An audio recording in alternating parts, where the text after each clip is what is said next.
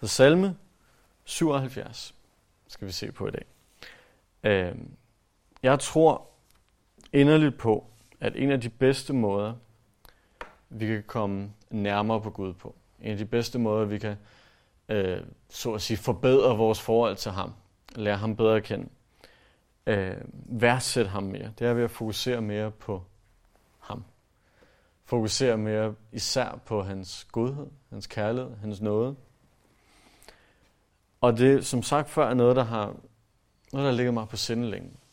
Det her med at fokusere på de ting. Bruge energi på at fokusere på ham, på hvem han er.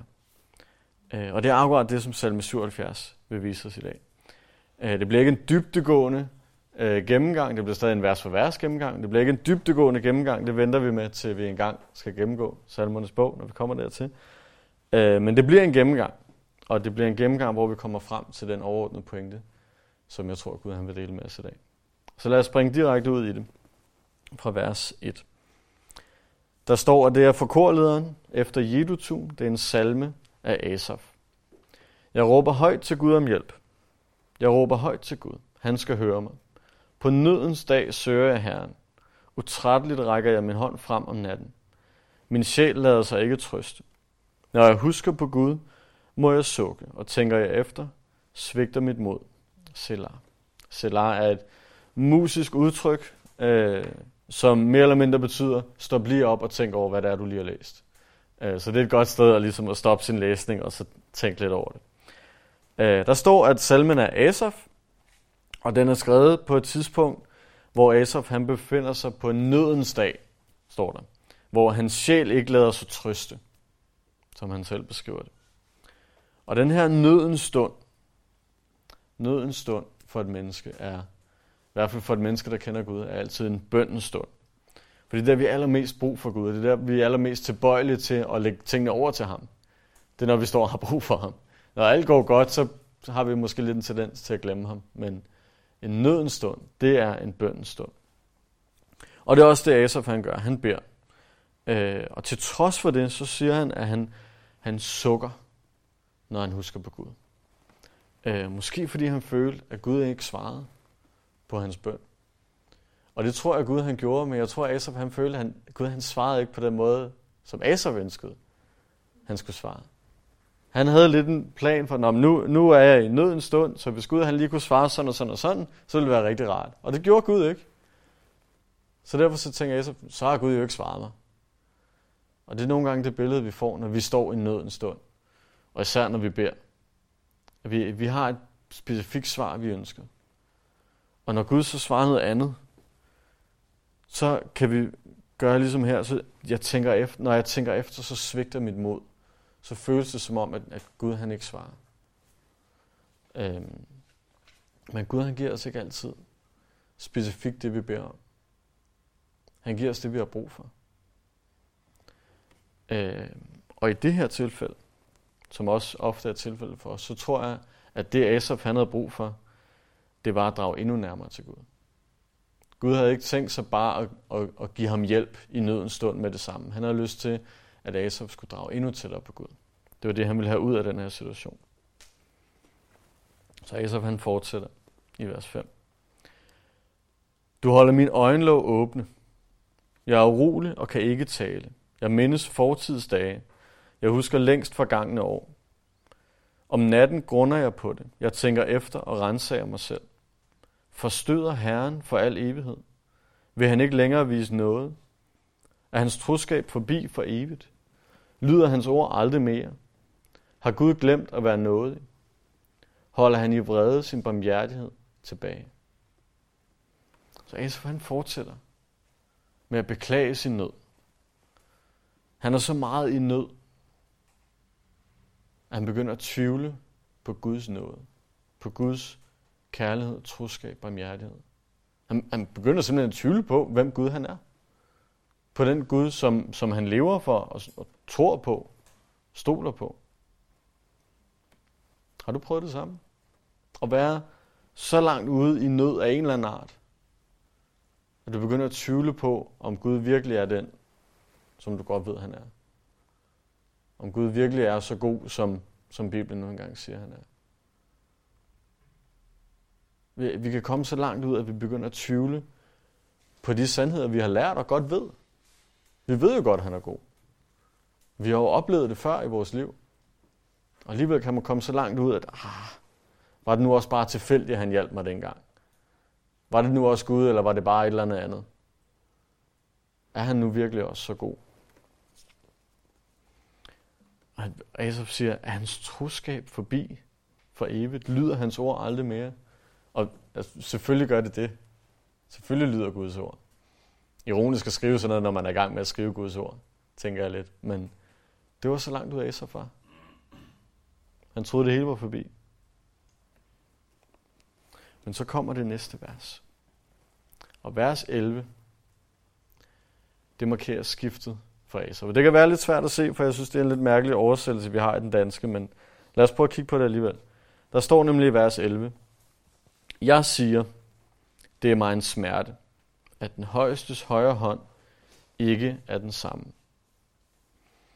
Når man læser det her i den autoriserede oversættelse fra 1992, så står det lidt som om, at Herren han har ændret sig. Fordi der står, at den højestes højre hånd ikke er den samme.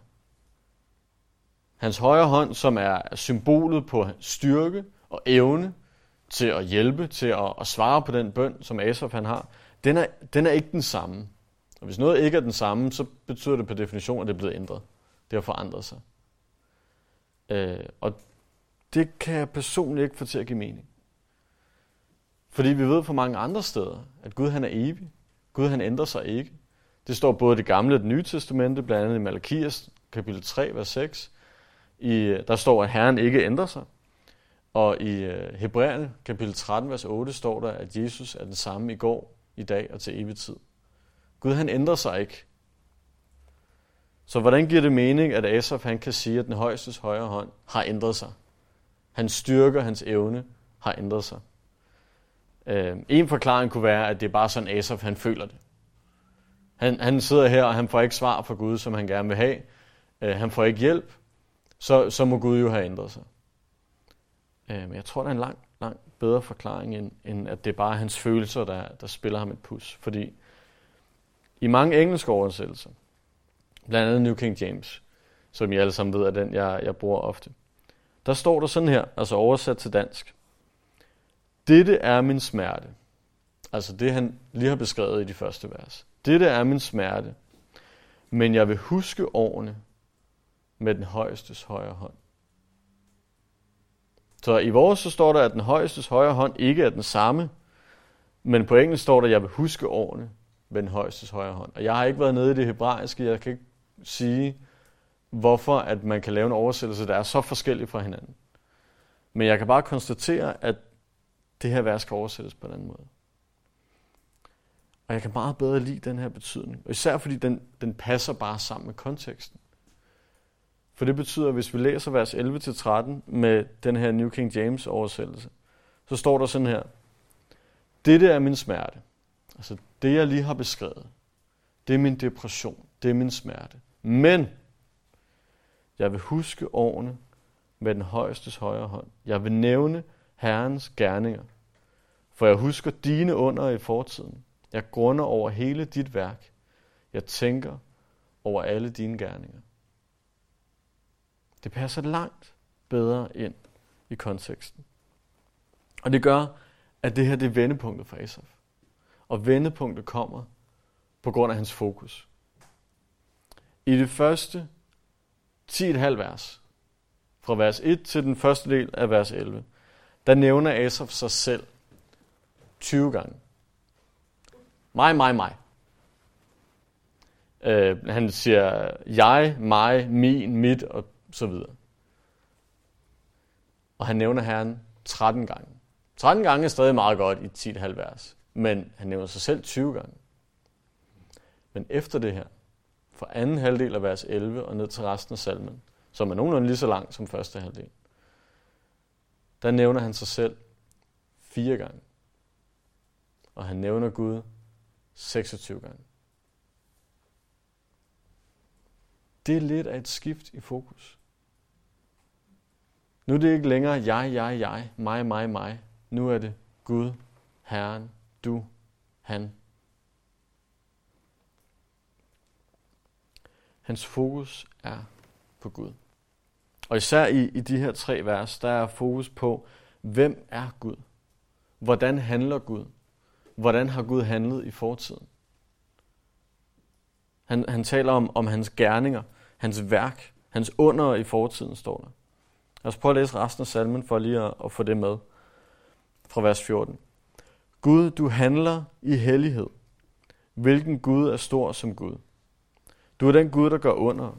Du viste folkene din styrke. Du udfriede dit folk med din arm. Jakobs og Josefs børn. Selah. Vandet så dig, Gud. Vandet så dig og bævede. Ja, det store dyb skælvede. Skyerne sendte strømme af vand. Skymasserne lod deres stemme lyde. Ja, din pile fløj til alle sider. Din torden lød som vognhjul. Lynene oplyste verden. Jorden rystede og skælvede. Din vej gik gennem havet, dine stier gennem de vældige vande, og dine spor var ikke at se. Du førte dit folk som en forflok ved Moses' og Aarons hånd. Og der står ikke, der står ikke specifikt her, at øh, efter det her, så øh, var alle Asers problemer væk, og alt var fod og gammel. Det står der ikke. Øh, der står heller ikke, at han levede lykkeligt til sin dages ende, eller noget andet i den stil. Øh, det, det ved vi ganske simpelthen ikke noget om fra det her. Men det vi ved, det er, at det her, det var Asers måde at komme ud af depressionen på. Han kunne sagtens have valgt en anden måde. Han kunne have valgt alkohol. Han kunne have valgt en række af kvinder. Han, han kunne have valgt øh, spænding ved en slåskamp eller et eller andet. Der er masser af måder at takle en depression på. Verden har et utal af måder at takle depressioner på. Og altså, så vidt jeg ved, så er der ikke nogen af dem, der, der virker sådan vildt godt. Jeg har aldrig hørt om en mand i en depression, der sagde, åh, det var godt, at jeg drak mig fuld 30 dage i træk. Det hjalp virkelig på det. Men heldigvis for Asaf, så er det ikke hans metode. Hans metode er at vende blikket mod Gud i stedet for. Det er, hvad vi ved med sikkerhed. Og personligt synes jeg, at det er nogenlunde sikkert at antage, at det her hjælp for Asaf. Ikke bare fordi, at jeg tror, at sådan noget hjælper at fokusere på Gud. Men han har brugt den hele den første halvdel af salmen på at beklage sin nød over, at Gud han ikke svarede. Hvis Gud fortsat ikke svarede, tror du så ikke, at han vil bare vil gentage den nød? Tror du så ikke, at han vil fortsætte med at sige, Gud, hvorfor svarer du ikke? Nu har jeg rettet fokus mod dig, nu har jeg gjort alt det rigtige, og nu svarer du stadigvæk ikke. Det, for mig er det et bevis på, at det her hjælp. Nu svarede Gud. Og jeg tror jo, at det her var svar nok i sig selv. Bare det, at han fik ændret sit fokus, tror jeg var akkurat det, Gud han gerne ville opnå. Man, man kan næsten, man kan næsten smage den fred, han har haft til sidst. Hvor han bare har nævnt Guds under i fortiden. Bare har hvilet i, prøv at se, hvor stor en Gud der er, jeg tjener. Jeg ved, og jeg stoler på, at han nok skal svare mig. Han skal nok udfri mig. Jeg, jeg synes, det er fantastiske vers. Han starter med at nævne Herrens gerninger, som der står. Og til sidst, så, så kan han ikke andet end bare at blive ved med at tale om, hvad det er, Gud han har gjort før. Hvor store, værker, hvor store værker han har, han har formået. Og det hele startede med, at han sagde, jeg vil huske årene med den højeste højre hånd. Jeg vil nævne Herrens gerninger, for jeg husker dine under i fortiden. Og jeg grunder over hele dit værk. Jeg tænker over alle dine gerninger. Og det er det, der er pointen for os i dag. Det er det, der er pointen i den her salme 77. Som jeg sagde i indledningen, så tror jeg inderligt på, at en af de bedste måder at komme nærmere Gud, det er ved at fokusere mere på ham, på hans godhed, noget og kærlighed. Og det er ikke for at forklejne, at Gud også er hellig, og at Gud også hader synd, og alle de ting. Fordi det er lige så stor en del af Gud som de andre ting. Men jeg tror ikke nødvendigvis, at de ting får os tættere i vores personlige gang med Gud. De ting er sande, de ting er vigtige at have med, for at have et afbalanceret billede af, hvem Gud er. Øh, ellers får man et halvt billede, et halvt billede, det er intet billede. De ting er vigtige. Men Romerne kapitel 2, vers 4, det siger, Guds godhed vil føre dig til omvendelse. Og der, der, der står ikke specifikt, vil få dig tættere på ham, men der står til omvendelse. Det synes jeg er interessant, fordi normalt vil jeg tænke, det der vil føre en person til omvendelse, det må næsten være varslet om, om dom og straf. Hvis du er kriminel, så det der vil få dig til at, at vende om for det, det er, at du får at vide, hvis du bliver ved, så ryger du 20 år i fængsel. Okay, ja, så skal jeg nok lade være. Det kan jeg godt se. Men hvis du går ind til en kriminel og siger, ham dommeren i retssagen, han er rigtig sød. Han er en god gut. Så tror jeg ikke, han siger, nå, fint, så må jeg da hellere omvende mig. Det kan jeg godt se, for han, han er jo god. Men Bibelen siger, at Guds godhed fører folk til omvendelse. Det, at Gud han er så god, så nådig og så kærlig, det giver folk lyst. Det giver mennesker lyst til omvendelse og komme til ham. Det synes jeg er interessant. At hans godhed kan formå at omvende folk. Jeg har sagt det her for nylig i, uh, i de små profeter. Jeg siger det gerne igen, især fordi det var en onsdag. Det er den søndag. Jeg tror, han, at Gud han er så fantastisk. Han er så fuld af noget, kærlighed, barmhjertighed, godhed, venlighed. At et hvert menneske, der for alvor har et møde med Gud og oplever Gud for den han er, de vil også komme til tro på ham og leve for ham. Og det er nemt at kigge ud i verden og sige, at jamen, den og den har hørt om Gud, og de tror alligevel ikke, og når de har oplevet Guds mirakler, eller hvad det er. Det kan godt være. Men hvis du for alvor møder Gud, så tror jeg ikke, man kan holde sig selv tilbage fra at tilbede ham. Og jeg tror også, det er det, Romerne 2.4 taler om. At et møde med ham, en forståelse af hans godhed over for mennesker, det vil også få os til at vende os til ham.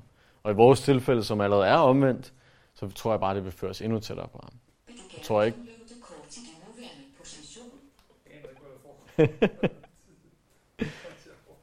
jeg tror ikke, at det kun handler om omvendelse. Jeg tror også, det handler om at komme tættere på ham.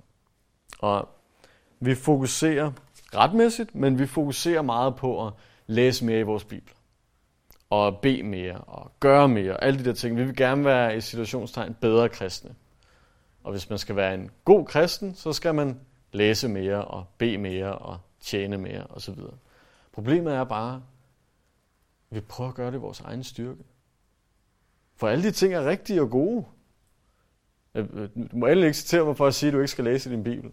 Men det er bare, vi, vi gør det i vores egen styrke. Vi, vi prøver at se på, når, hvad er en god kristen? Og hvis vi siger, hvad er en god kristen, så siger vi automatisk, hvordan ser det her menneske ud? Den her øh, gode bibelunderviser, hvad gør han? Eller hende her, som tjener meget, eller hvad ved jeg? Jeg synes, at, at de personer er nogle gode kristne. Hvad kan jeg gøre for at være ligesom dem? Problemet er, at det bliver menneskeligt. Vi ser på andre mennesker i stedet for at fokusere på Gud. Og jeg tror, at, at det er det der hele pointen, at motivationen for at leve mere for Gud, den kommer et sted fra, og det er gennem en dybere forståelse af, hvem han er. Et tættere samvær med ham. Motivationen til at leve mere for Gud kommer gennem en dybere forståelse af, hvem han er. Og hvad han har gjort for os. Og det er det her, som David Gusick nævnte på, på vores netop overståede konference, at kærlighed, vores kærlighed til Gud, er en responsiv kærlighed.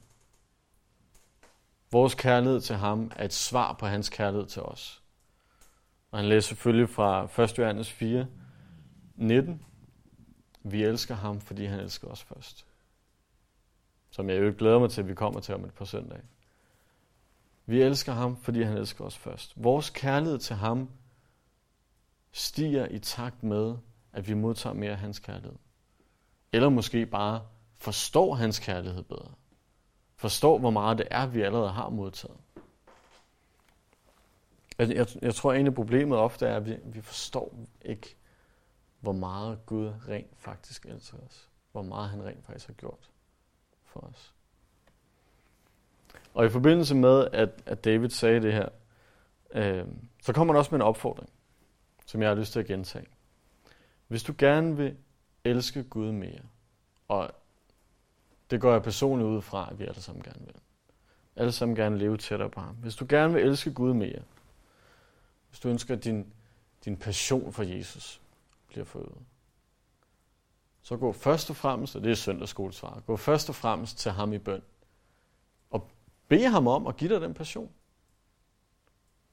Gå til Gud og sig, jeg giver dig lov til at sætte noget ind i mig, som ikke er der i forvejen. Men dernæst, noget vi selv rent praktisk skal gøre.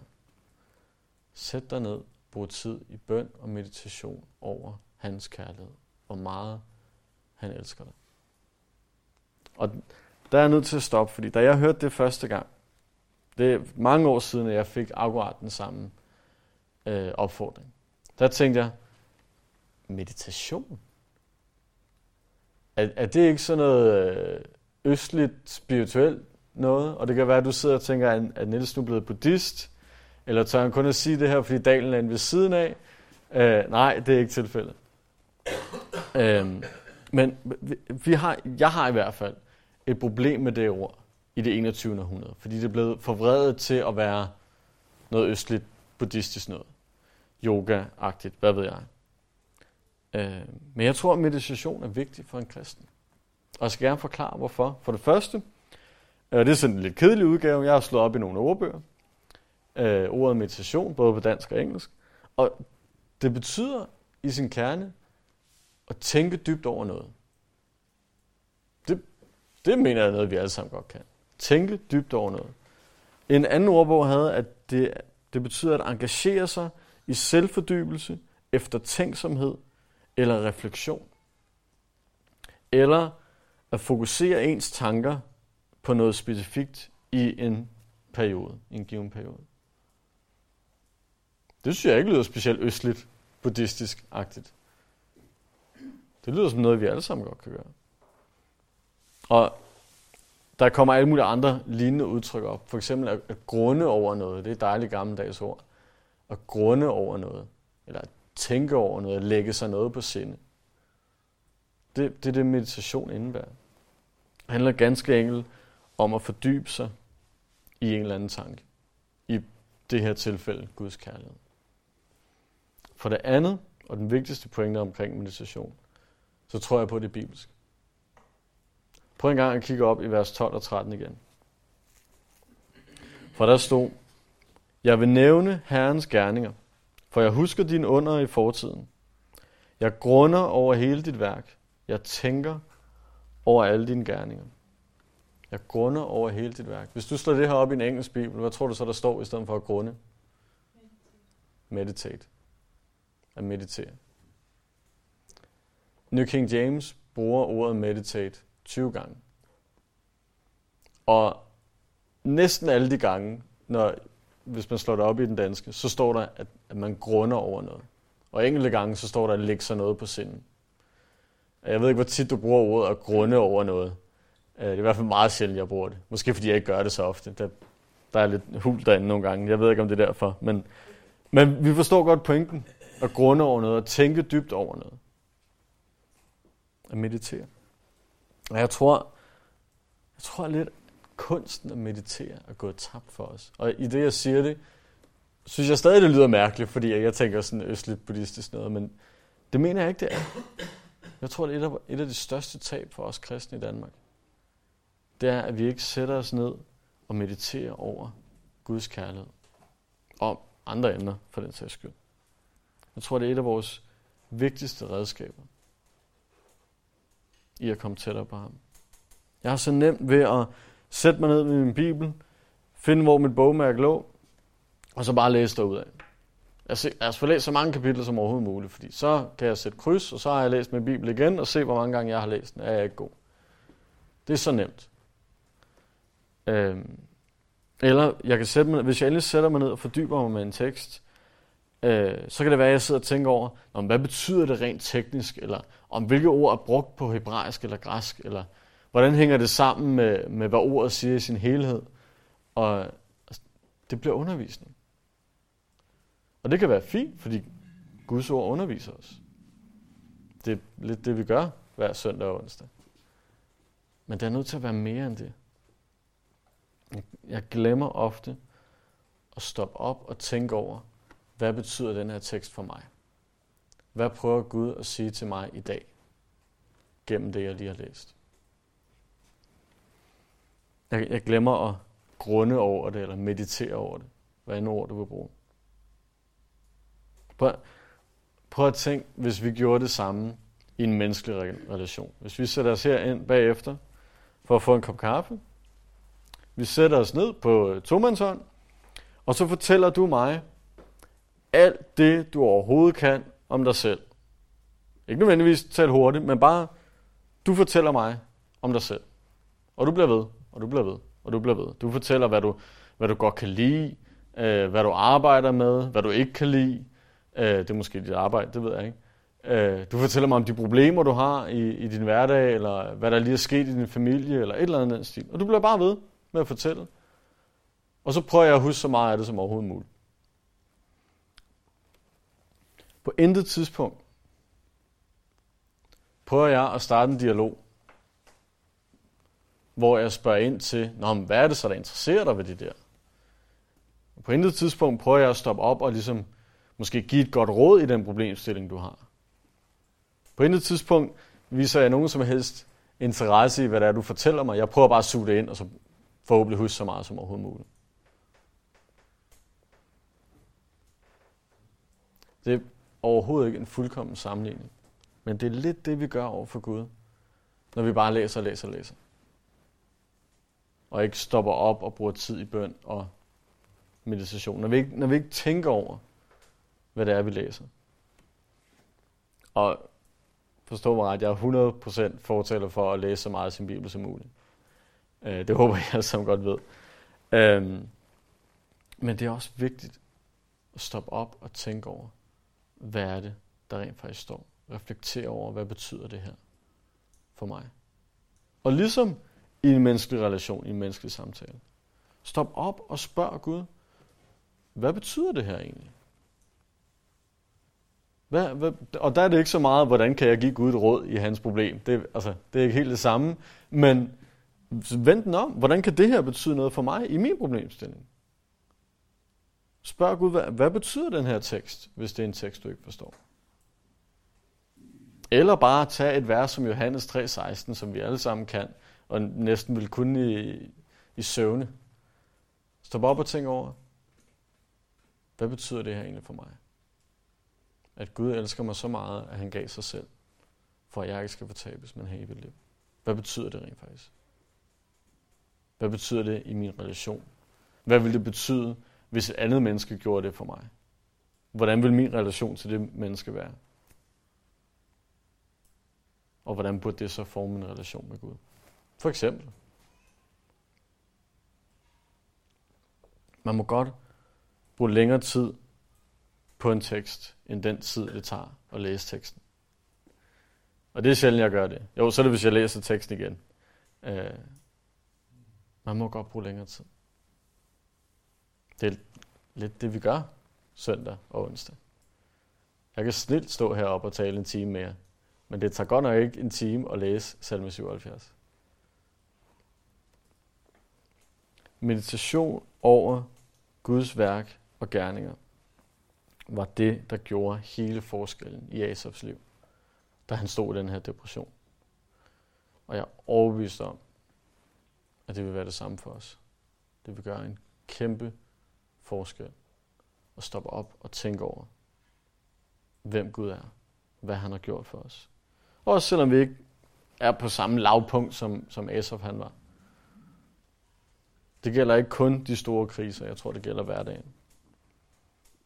For, som David nævnte, nu mere vi forstår Guds kærlighed, nu mere vi også værdsætte den, og nu mere vil vi også gengælde den med at vi også komme tættere på ham. Så opfordringen i dag, sæt dig ned og mediter. Slå koldt vand i blodet. Hvis du plejer at læse, ligesom jeg gør, slå koldt vand i blodet. Tænk over, hvad Gud han prøver at sige. Det handler ikke om kvantitet, men om kvalitet. Og det er lige så meget til mig selv, som til alle jer. Og det tror jeg øvrigt også var David Guzik, jeg nævnte det på konferencen. Det handler ikke om kvantitet, men kvalitet. Jeg vil slutte af med en øh, lille historie, et lille citat. Øh, fordi hvis det her det er svært, og det er det, hvis det er svært i starten, så håber jeg, at det her, øh, det her citat det kan blive, give lidt opmuntring. Der var en, en munk, en fransk munk tilbage i det 17. århundrede, øh, som startede sit liv i, øh, i herren. Øh, der kom han til skade, og så øh, bosatte han sig i et kloster i stedet for. Arbejdede i køkkenet. Øh, han hed Nicholas Herman, hvis det ellers er sådan, man udtaler det på fransk. Det ved jeg ikke. Han er bedre kendt som Brother Lawrence, eller Broder Lawrence. Han var kendt for at have et ekstremt tæt og nært forhold til Gud. Han var ikke prædikant. Øh, han skrev ikke nogen bøger. Han arbejdede i køkkenet. Men alligevel var han kendt, ikke bare på det her kloster, men i store dele af Frankrig, var han kendt som en mand, der havde et ekstremt tæt og nært forhold til Gud. Og han, han var så kendt for det, at der var en gut, hvis navn jeg ikke tør at prøve at ud, udtale, som var så inspireret af ham, at efter hans død, der, øh, der satte han sig ned og refererede nogle samtaler, han havde haft med ham. Og han fik også samlet øh, 15 forskellige breve, som ham her, Brother Lawrence, havde skrevet til forskellige mennesker i forskellige situationer. Og så skrev han en bog, hvor han, han bare refererer de her samtaler og øh, gengiver de her breve. Ganske simpelt, fordi han var overbevist om, at det her det kunne hjælpe andre. Øh, ligesom det havde hjulpet ham at, at kende ham.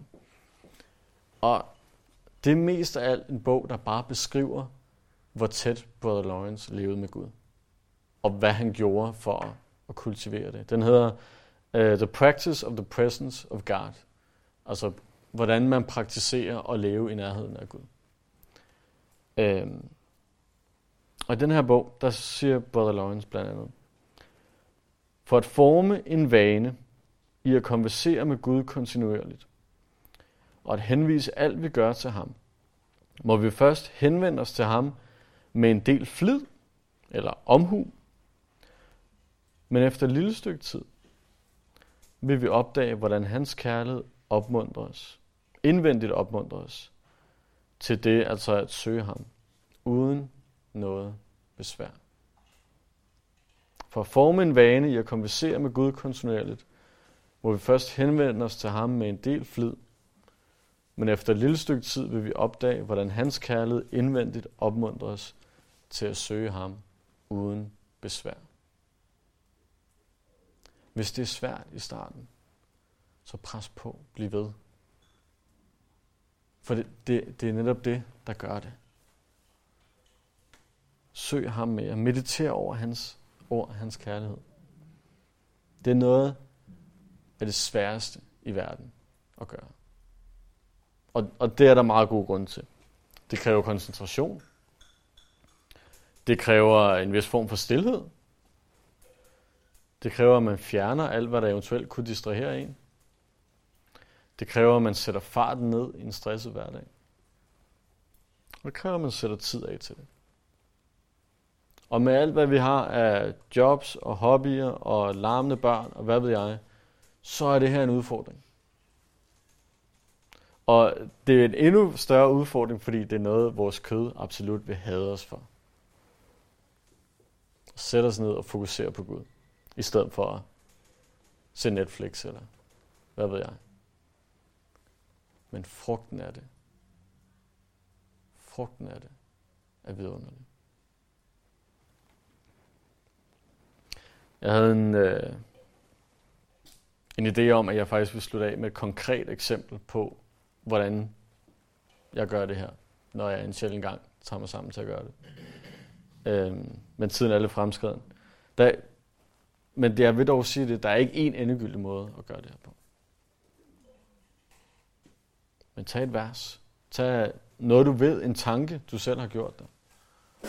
Og sæt dig ned og fokuser på den. Hvad betyder Gud for dig? Øhm, hvis du gerne vil høre mit eksempel, så kom og spørg mig bagefter, så skal jeg med glæde øh, dele den, eller komme og spørge mig en anden dag. Øh, men hovedpointen er, sæt dig ned. Fokuser på kvaliteten i hans ord. Vær stille ind for ham, og fokuser på hans kærlighed. Lad os bede. Far, vi, vi takker dig først og fremmest for din kærlighed. Jeg takker, at du elsker os så højt, at du sendte din eneste søn. Og her Jesus, tak, at du mødte den død, der lå foran dig. Og oprejst pande. Og med glæde, fordi du vidste, hvilken, hvilken pris, der ville komme ud af det. Ja, det er det, vi vil sige dig for. Ja, tak, at du elsker os så højt. Hjælp os til at, at træde nær til dig. Fordi vi ved, at du vil træde nær til os. Priser dig, far.